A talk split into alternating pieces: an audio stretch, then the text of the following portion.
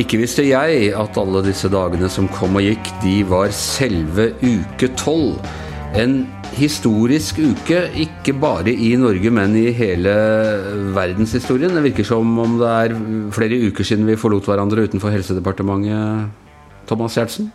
Ja, det er ikke Men det, det virker veldig lenge siden. Går alt går så utrolig fort nå. Fort og sakte eh, på en gang. Og det er jo en, altså det er en situasjon verken du eller jeg har opplevd i vår levetid, eh, dette her i det hele tatt. Altså hele verden ser ut som den kollapser rundt oss, og vi trenger oss Vi sitter inne i hjemmene våre som vi liksom har eh, bygget, bygget opp over, over lang tid, og, og nå får vi virkelig liksom testa om vi har eh, bygget oss det hjemmet vi, vi trives med. Men eh, Anders, du vet jo det. Jeg har jo tenkt på det mange ganger at det var eh, altfor lenge siden forrige krise i, som menneskene i dette landet gikk gjennom. Sånn at eh, jeg har jo nå Jeg har bare gått og ventet på at dette en eller annen ting skulle skje. Ja, Det er jo en uke siden vi da forlot hverandre utenfor uh, Helsedepartementet. Vi hadde, vi hadde, fått en avlyst avtale med, med, helseministeren. Vi satt der med god avstand. Du hadde fem meter, uh, faktisk, ledning på, på mikrofonen. Vi forlot hverandre der, og nå sitter vi ikke engang i samme rommet. Nå sitter vi i hver vår bydel og kommunisere via Skype. Du, jeg ser deg på, på bildet her, Anders, men jeg ser det er mye snytepapir på den pulten din. Ja, det er, jeg har på toppen av det hele klart å bli ordentlig sørpeforkjøla. Er det korona, eller er du forkjøla? Jeg, jeg, jeg, altså, jeg, oppfører meg jo som om det var koronasmitte. For det skal man jo gjøre selv uten at man er sjuk. Ok, Men du, du, hoster ingenting? Nei, det er bare helt sånn Bare uh, Bare sånn tørrhoste? Bare tørrhoste. Og jeg nyser en del, og det var det en eller annen som sa at nysing er visst ikke med på disse her koronaparametrene. Nei, Men tørrhoste er med, Anders. Tørrhoste er med, ja. ja. Men jeg har altså virkelig ikke Jeg har ikke vært plaget av hoste. Altså, jeg er tett i nesa. Det er den store plagen min. Men du har ikke vondt i korsryggen og ikke vondt i brystet? Nei. Og ikke tungpusta? Nei, doktor Gjertsen. Ingen av de tingene kicker inn. jeg, må bare, jeg må bare tilpasse samtalen, Anders, for jeg ville jo ikke ha sagt noe galt hvis dette Altså dette skulle være fatalt. Altså, jeg må innrømme at eh, hadde, hadde, jeg fått det, hadde vært greit å bli ferdig med dette her. For jeg har jo inntrykk av at alle skal få det før eller siden. Det må jeg bare si. Folk som sier at uh, det er bare å bli ferdig med det sånn. Altså, det er ikke alle som skal få det. Jeg melder meg. Jeg trenger ikke å få det, bare så det er sagt. Nei, nei, nei nei men da, da, kan jeg ta det, og du, eh, du ikke få det. Men du da, Thomas. Hva, hva, har du gjort uh, siden vi forlot hverandre? Du, uh, Det første jeg gjorde etter at vi forlot hverandre sist, det var å reise på hytta. Og så eh, kom jeg jo opp der, og så var det jo, kom det jo en ganske klar beskjed om at det skal man ikke gjøre. Så da var det bare å pakke sammen alt vi hadde pakket med opp, og reise hjem igjen. Med barn og full eh, bil og bagasje og alt. Nei, plutselig var du en sånn stigmatisert gruppe av det onde hyttefolket som bare drar opp i fjellet uten hensyn til noen som helst. og ja, altså Dette er det nærmeste jeg har kommet til å føle meg som en asylsøker. ja, ikke sant? Da. Det var jo klar beskjed. Kom deg tilbake dit du kommer fra. Det som imponerer meg, er når denne, at de, de føler det nødvendig å innføre denne loven da torsdag nesten en uke senere. Det er folk som fortsatt da har, du, da har du en sånn, da er du nesten som de der japanske krigerne i, på Stillehavsøyene som ikke overga seg før ut på 70-tallet i annen verdenskrig. Bare har blitt der oppe med all den moralske fordømmelsen og alle de og trusler om heimevernet jeg vet ikke hva. Nei, det må en lov til for å få kasta dem ut av hyttene sine. Ja, altså da Jeg må si det er litt imponerende at noen har så stamina. Men tiltakene generelt, da? Altså det er jo det er innført en haug med tiltak. og så er er en del ting som ikke er gjort. Så liksom, folk har dratt på harryhandel til Sverige.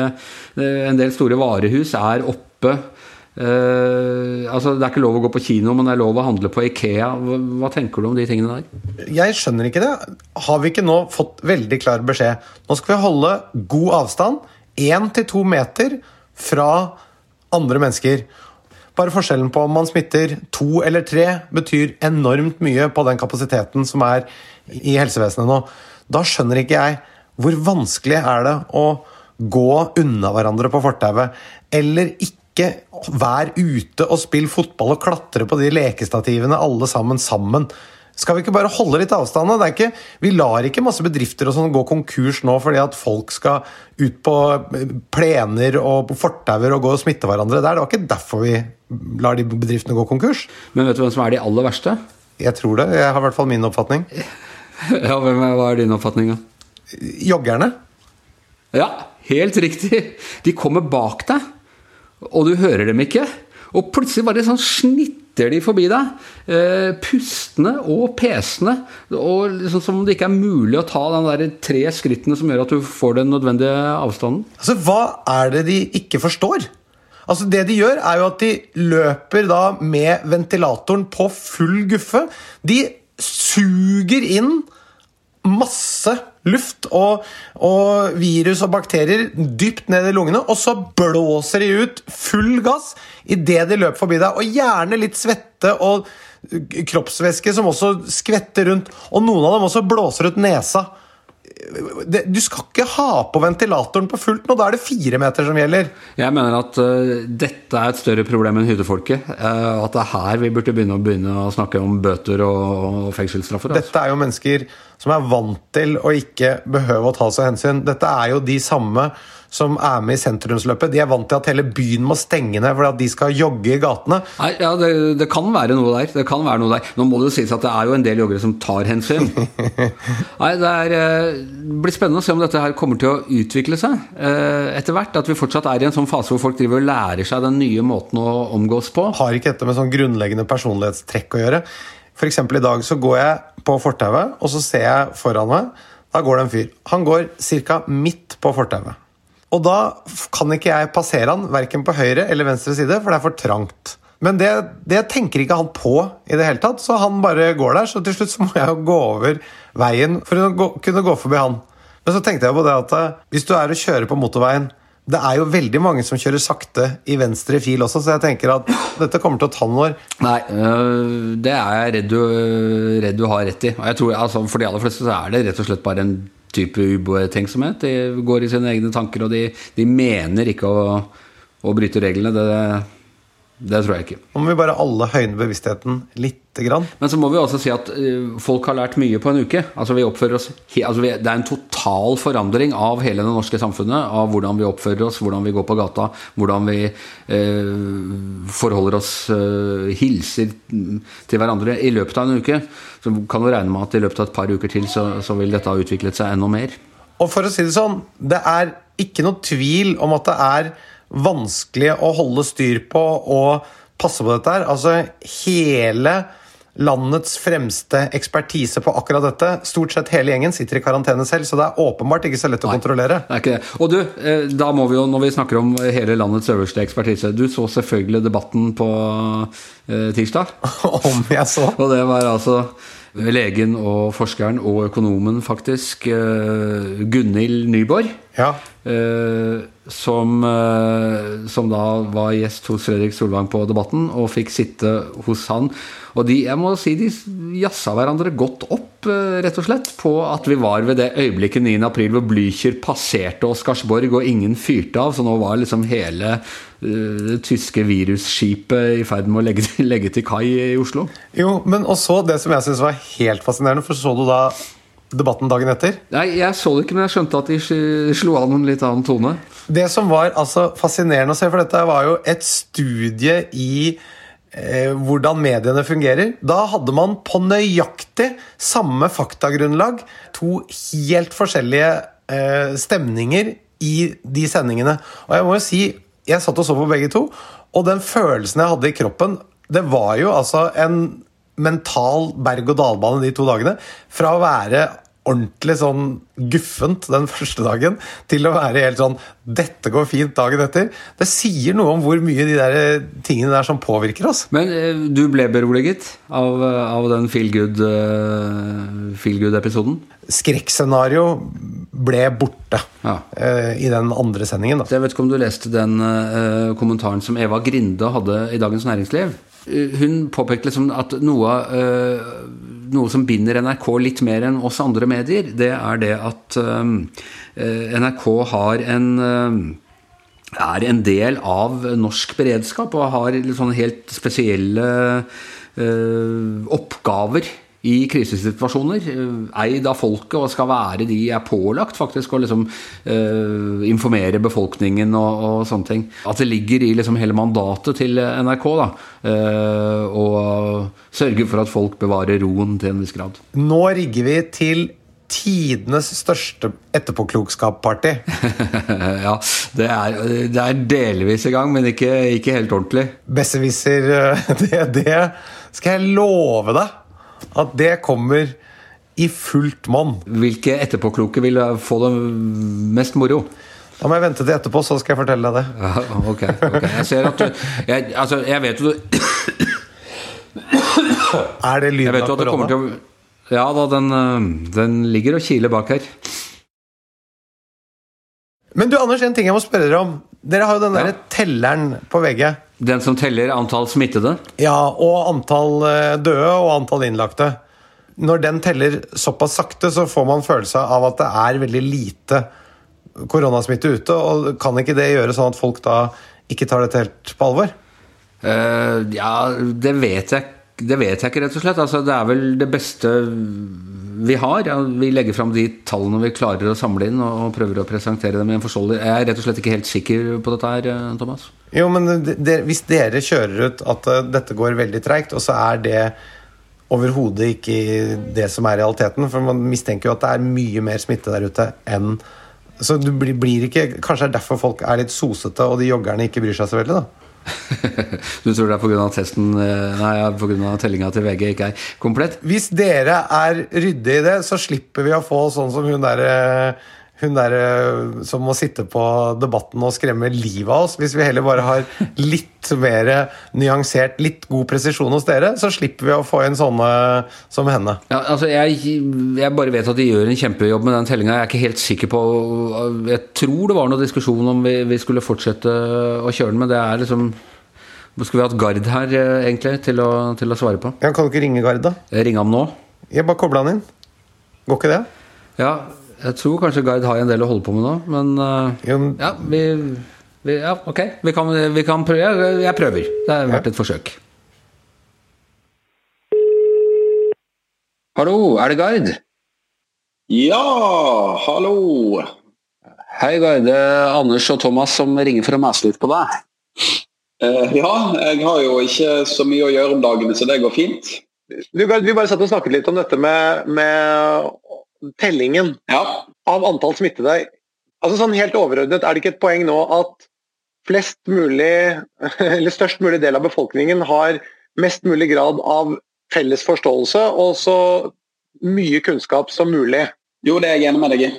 Og da tenker jeg at når, eh, da kan, kan det virke litt sånn forvirrende når dere kjører den telleren på antall smittede, så går jo den veldig sakte. Men det forstår jeg som at det henger vel også sammen med hvor mange man tester osv. Så, videre. så mitt spørsmål er egentlig er den telleren deres litt misvisende, og som igjen kan føre til at folk blir litt slappe på smittevern fordi den teller såpass sakte? Det, er- en problemstilling vi har diskutert grundig. Eh, altså, jeg tror Det viktigste tallet å følge framover nå de neste ukene blir ikke antall registrerte smittede, men antall innlagte. Altså Antall som faktisk er på, til behandling på norske sykehus. Så det, det blir nok et enda viktigere tall framover. Så har vi diskutert om vi skal la være å, eh, ha denne oversikten over hvor mange som er registrert smittede. Du har jo helt rett i at her presiserer vi jo at det er store mørketall. Man vet jo ikke nå hvor mange som er smittet nå. Men vi har kommet frem til at det er et viktig tall å ha. Både litt for å ha det på kommunenivå, sånn at man ser altså hvordan smitten er i den enkelte kommune. Det kan være et viktig tall for noen å få vite om det nå er registrert smitte i sin kommune. Og så mener vi tallet er viktig for å sammenlignbare med andre land. Eh, For her kan man jo, altså Vi skulle gjerne hatt tall på hvor mange tester som er utført i Norge, og kunne sammenligne til virkelig med andre tall. For Det er liksom viktig å følge hvordan dette arbeidet pågår. Men jeg er enig i at, at, denne kurven er jo sannsynligvis altså Antall smittede i Norge er jo mye mye høyere, mener jo helsemyndighetene, enn de tallene de går ut med. Men å fjerne tallet tror jeg er en, også er en dårlig løsning. Men eh, kanskje da ha en enda mer tydelig artikulering av at det ikke gir et uh, komplett bilde. Da. Fordi eh, jeg syns det er liksom lett å bare se sånn, du vet, du, litt sånn halvsløvt, så ser du på det tallet, og så bare Det er bare tallet du ser på, du leser ikke den lille skriften rundt. sånn at uh, at, man, at, det er lett å bli litt forledet, da. Jeg skjønner. Nei, altså, Hvis du kommer inn i selve den, inn i den spesialen som vi kaller det, den artikkelen som disse tallene ligger, så ligger det masse merknader. Men det er mulig vi må være tydeligere og enda tydeligere om dette. for det er klart hvis eh, Du har helt rett i det at hvis dette tallet oppfattes og tolkes som at det ikke nå er smittespredning i Norge, eller smittespredningen har stoppet opp i Norge, så er det jo ikke dekning for det. Eller FHI sier jo iallfall eh, det motsatte. Så jeg tar innspillet med meg videre, Thomas. Godt innspill. Hvis man kunne fått synliggjort både eh, testing og hvor mange som da blir registrert smittet, et forholdstall, et forholdstall mellom antall testede og hvor mange, hvordan står dette opp mot kapasiteten, som det vel også jobbes med hele tiden? Ja, det er jo virkelig det. Det er jo det jeg er mest opptatt av. og tror mange er mest opptatt av noe som er jo faren. altså Hvor mange innleggelser får de, og er systemet egentlig altså er, Hvor rustet er helsevesenet nå å ta imot den bølgen av pasienter som kan komme?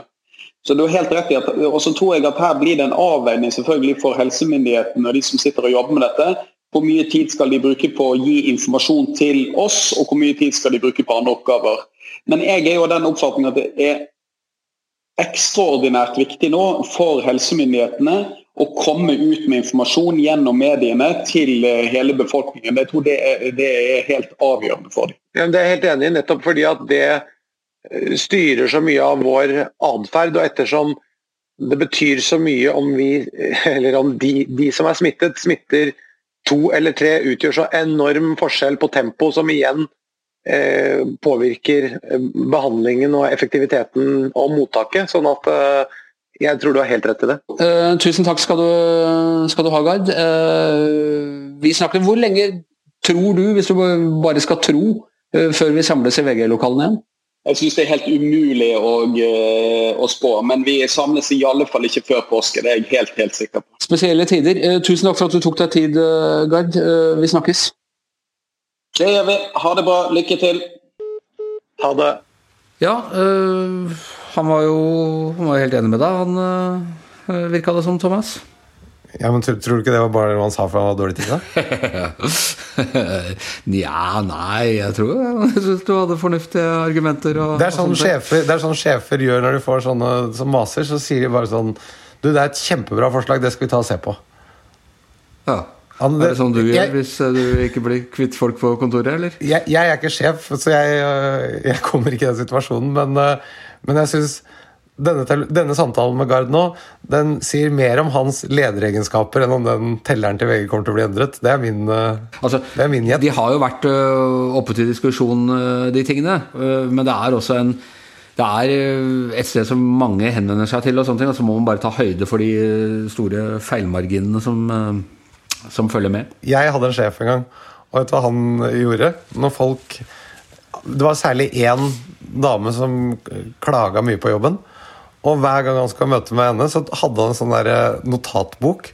Så tok han med den og en penn, og så lot han som han satt og noterte alt hun sa, for at hun skulle føle seg hørt. Og så, bare, og så sa han at det er veldig godt innspill, veldig godt innspill. Vent litt, si det om igjen, jeg må bare notere. Og så bare la han vekk den boken. Så gjorde han aldri noe mer med det. Og hun ferska aldri at det aldri ble noe av det? Hun var fornøyd bare det ble notert? Hun vet ikke det ennå. Kanskje hun hører på den podkasten her nå? Kanskje du skjønner Hva? Var det sånn det var? Jeg tror hun bare følte seg hørt. Og det er jo noe av det viktige. Jeg lærte et annet triks av en kvinnelig sjef eh, jeg hadde ja. mange år siden. Eh, som jeg aldri turte å bruke selv, for jeg syntes det var bare for arrogant. Men det var når noen kom inn på kontoret ditt, så skulle du bare si 'Hei, hva kan du gjøre for meg?' For det satte dem Det setter liksom folk i en sånn underlegenhetsposisjon hvor de liksom skjønner at uh, her her er ikke en situasjon hvor jeg skal legge fram mine problemer. En venn av meg han hadde en sjef en gang, og han fortalte at hver gang han skulle avslutte hvis han syntes de ansatte hadde vært for lenge inne på kontoret hans, så klappa han seg på lårene. For da skjønte, da skjønte de ansatte at nå var det på tide å komme seg ut. Det var en diskré måte å gi dem et hint på. Ja. Og så gikk det en stund, og så var han kompisen min der inne, og så gjorde han sjefen det på han uten å tenke over det. Å ja. Han hadde glemt at han hadde fortalt bort det hemmelige trikset. Nettopp. Men det, det sier noe. altså I sånne sammenhenger så tar folk hint veldig greit, men nå har de altså fått veldig klare beskjeder om hvordan vi skal gå på fortauet. Men der er det mye å gå på. Så det er rett og slett Dette her er eh, Dette handler om grunnleggende personlighetstrekk og egenskaper, tror jeg. da Jeg tror at Hvis du har med deg et balltre når du er ute og går, og så bare begynner å veive rundt deg når noen nærmer seg, så tar folk det hintet. Nei, jeg skal bare gå og begynne å hoste høyt hele tiden. Da skvetter folk unna. Det kan også være en mulighet. Du, men Thomas, siden du har jo vært, eh, du har jo vært i mitt liv den rene Snåsamannen når det gjelder å forutse hva som skulle eh, komme her. Eh, og ligget i forkant både på, på, liksom på spørsmål og, og worst case scenarioer og sånne ting. Hva, hva er det store eh, utfordringen nå? Hva blir det neste problemet, hvis vi ser bort fra sånn økonomiske og børsen som ramler og, og sånne ting? Hva, hva er next step i hele uh, hele samfunnssykdomsbildet?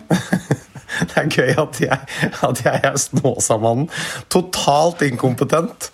Klovn Ja, som skal er, sitte ja, men vet, Sånn er det ofte med de, de, de synske og sånne ting. Det er de du ikke venter det skal være, som eh, Gud har gitt en egen gave. Nostradamus. jeg, tror, jeg tror det som er den grunnleggende uh, Den grunnleggende situasjonen der nå, er at du har med en fyr som er litt engstelig av seg. Og så er det klart at eh, når du har gått og betta på at det verste skal skje hele livet, så én gang så får du rett. Sånn, Hver generasjon så vil jeg tippe at sånn som meg får rett ja, sånn cirka én gang. Er det ikke så ofte kriser kommer i, i menneskehetens historie, da? Jo, jo, det, det er vel det. Men da, Så gå til er nevrotikerne. Siden du nå er da inne i den fasen hvor du har rett, hva tror du blir neste? Tingen? Det er jo det smittevernutstyret. Testing, smittevernutstyr og personell. Er det ikke det som alle Det er det vi har snakket om hele tiden, og det er det som er det gjennomgående store problemet, er det ikke det? da? Altså Smittevernutstyret var det jo mye om i begynnelsen. Jeg har ikke hørt så mye om det etter hvert. Men det var, noe av problemet var at alt sammen lå i Kina, selvfølgelig. Ja, altså, og det, Men poenget er jo at det, det kommer stadig sånne små saker. Jeg skjønner ikke hvorfor ikke det blir løftet opp større. Det er jo det som er det vi venter på. Hvis ikke det er på plass, så ryker jo hele strukturen i forhold til å behandle. For da blir jo hele helsevesenet satt i sjakk. Sånn at eh, det er helt avgjørende å få det på plass. Det, det var noen saker om noe ting som var blitt stoppa på grensen, og litt sånn EU-regler og, og toll og noe sånn, var det ikke det? Jo, jo, men det, det, og så, så var det snakk om å få inn litt forsyninger der. Så var det en sak i Så jeg i Forsvarets forum. Der står det at eh, Forsvarets hovedkvarter opplyser at de foreløpig ikke har fått noen bistandsanmodninger om smittevernutstyr. Men altså, hallo Her går landets øverste ledelse ut til næringslivet og sier at dere må prøve å produsere. Eh, Det er et helt tydelig adressert eh, behov at, hele, at nasjonen trenger dette her. Og så sitter Forsvarets eh, hovedkvarter og opplyser at de ikke har fått noen bistandsanmodninger. Altså, er det ikke mulig å bare ta en telefon her? Hvis de sitter på noe, så kan jo ikke det være noe problem. Det virker jo helt vanvittig. Hvis, altså, det er, ja, dette var sånn jeg lærte om på Forsvarets høgskole, hvordan liksom hele totalforsvarstanken skal fungere på den måten at uh, når en krise inntreffer, da skal alle etater og alle eh, offentlige institusjoner og sånne ting bare snu seg, og så skal liksom de gode ideene og de operative planene bare gå medhårs fram til å bli, satt, bli satt ut i livet. Man har jo selvfølgelig også en stor risiko knyttet til bemanning og personell. fordi at eh, en del av de, sånn som jeg forstår det i hvert fall, så er det jo en del av de der mest avanserte apparatene som skal eh, brukes, de eh, krever jo eh, høyst kompetente personer. sånn at eh, en, Hvis det blir mye trykk på dem, så blir det selvfølgelig et stort problem. Og i tillegg, hvis da de er smittet og satt i karantene, så kan jo ikke de være der og betjene dem. Så det, det må jo være der alt står og faller, sånn som jeg kan forstå det. Tror ikke du også at eh, noe av eh, grunnen til at myndighetene nå måtte dra på med litt hardere tiltak enn planlagt, kan være at man ser at hele førstelinjen i Helse-Norge ikke er klar? Eh, jo, det, altså, det er jo bekymring. Det har jo vært en totalbekymring for uh, kapasitet og ja, nettopp det her med de 1400-1700 akuttplassene og, og, hvor mye man kan operere. Hvor mye av det som henger på akkurat eh, utstyret, det, det vet jeg ikke. Det smittevernutstyret er jo helt sentralt. Med en gang man ikke har det, så kan man ikke begynne å håndtere noe som helst. For da, går, da rakner hele strukturen der inne. Ja. Nei, og du ser jo, altså, Det er jo bare såpass uh, prekære ting som at uh, hvis du går på apoteket og spør etter ansiktsmaske eller, uh, eller sånne ting, så omtrent bare ler de av deg. Eller ler ikke, men de beklager og sier at de har det ikke. Alt dette har jo liksom forsvunnet. Men jeg, så i, jeg, jeg så i Kapital nå, så er det jo nå er det, jeg tror det var 140 norske bedrifter, da selvfølgelig en del useriøse, men også mange seriøse, som jobber med ulike løsninger for å prøve å komme opp med noen gode, gode, nok løsninger. Da. Blant annet så, så forsto jeg at Folkehelseinstituttet hadde da sagt at eh, man kunne gjerne lage eh, munnbind som da kun beskyttet med dråpesmitte fordi man anså at sjansen var såpass liten for den luftveissmitten at man kunne vurdere å godta da munnbind som, som, i hovedsak beskyttet mot, uh, mot dråpesmitte. Da.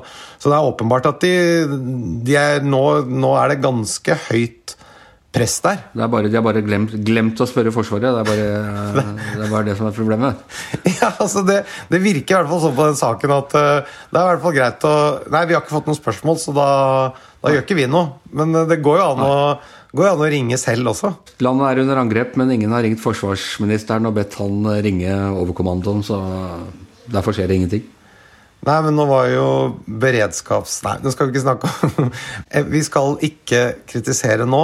Eh, Nei. Det skal vi ikke. Vi, skal... vi er en del av totalforsvarspakka i denne podkasten, så vi støtter opp om hovedtanken og hele keep calm, carry on, eh, slutt opp områdene fra myndighetene. Men dette, dette, og dette er altså ikke kritikk, men en, bare en litt konstruktiv oppfordring at hvis noen i Forsvaret eh, hører på, så si fra til en som er ett nivå over deg, at eh, Bent Høie trenger smittevernsutstyr. Så hvis én sier fra til én, sier fra til én, sier fra til én, så til slutt kommer til sjefen, så uh, prøver vi å la det gå som et virus helt opp til toppen i Forsvaret, som så kan ringe ja, og gjerne hvis Bent Høie. Én ikke sier til én, men én sier til to, så sprer det seg enda fortere.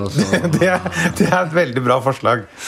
Men da får så, det som blir Snart snill, hele landet får vite om det. Vær så snill, ikke, men ikke si det til tre, for da blir det altfor mange som går og maser på han forsvarssjefen om at han skal ringe Bent Høie. Da blir han sittende og Da blir det propp andre veien. Ja, da blir han sittende og bare notere og late som han hører på, og så følger han ikke med egentlig på hva de sier. Han bare vil ha dem ut av kontoret. Men du, en av de tingene som det sto om i Kapital, det var at det var en sånn bedrift i Norge som lager noen sånne roboter som visstnok da kan desinfisere et helt rom med en sånn gass, så du bare tåkelegger.